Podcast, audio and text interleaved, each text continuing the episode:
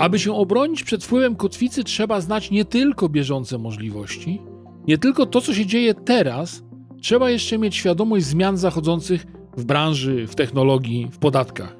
Trzeba wiedzieć o prowadzonych badaniach, o ich potencjalnym wpływie na przyszłość. Kotwica to tendencja ludzi do nadmiernego polegania na pierwszej otrzymanej informacji. Niezależnie od dokładności tej informacji, staje się ona punktem odniesienia do dokonywania ocen i podejmowania decyzji. Reagowanie na kotwicę jest mechanizmem psychologicznym, niezależnym od racjonalnej oceny. Daniel Kahneman otrzymał Nobla za badania w tym obszarze, więc coś rzeczywiście musi być na rzecz. Całkowite uniknięcie efektu kotwiczenia jest mało prawdopodobne, ale można minimalizować jego skutki. Ważne jest, aby pamiętać, że mechanizm jest i działa. Najskuteczniejszą reakcją na każdą pierwszą propozycję powinien być po prostu brak zgody. Nawet gdyby była to najlepsza propozycja ever.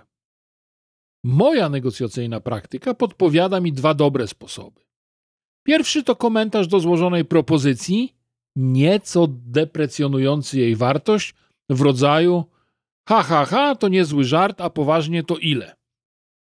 Drugi sposób, nieco poważniejszy, to oświadczenie dobrej woli. Ja z panem rozmawiam poważnie, chcę zawrzeć dobre porozumienie, dlatego proponuję, abyśmy z takich podchodów zrezygnowali. Działania, które intuicyjnie zdarzają się negocjatorom, jak na przykład negocjowanie z zarzuconą kotwicą lub zarzucanie własnej przeciwnej kotwicy, w praktyce nie bywają skuteczne. Nie bywają, ponieważ sankcjonują zarzuconą kotwicę w obszarze negocjacji. Mogę się z nią nie zgadzać, mogę inaczej oceniać, a jednak zarzucona kotwica wyznacza, tak jak chciał jej autor, jedną z granic negocjacji. Skuteczność kotwicy jest wsparta na braku właściwej informacji. Jeżeli negocjator zna rzeczywiste punkty odniesienia, niech to będą ceny rynkowe, żadna kotwica podwyższająca ceny rynkowe nie zadziała.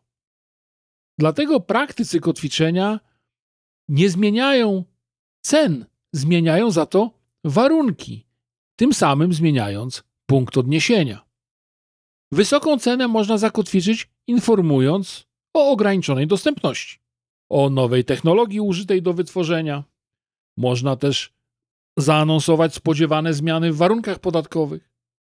Aby się obronić przed wpływem kotwicy, trzeba znać nie tylko bieżące możliwości, nie tylko to, co się dzieje teraz, trzeba jeszcze mieć świadomość zmian zachodzących w branży, w technologii, w podatkach. Trzeba wiedzieć o prowadzonych badaniach, o ich potencjalnym wpływie na przyszłość.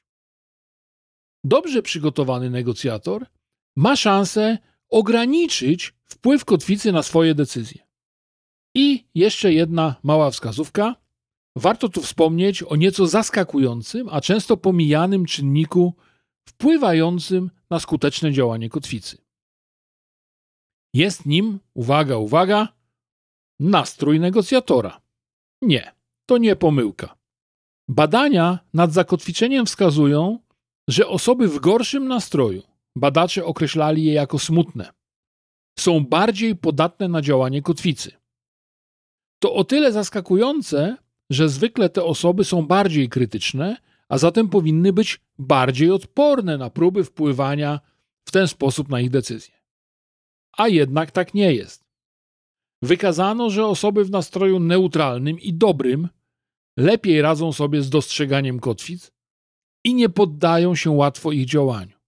Dla negocjatorów praktyków oznacza to, że oprócz przygotowania, siadając do negocjacji, lepiej zadbać o własny dobry lub chociaż neutralny nastrój, bo to właśnie ten nastrój może pozytywnie lub negatywnie wpływać na skuteczną ocenę sytuacji.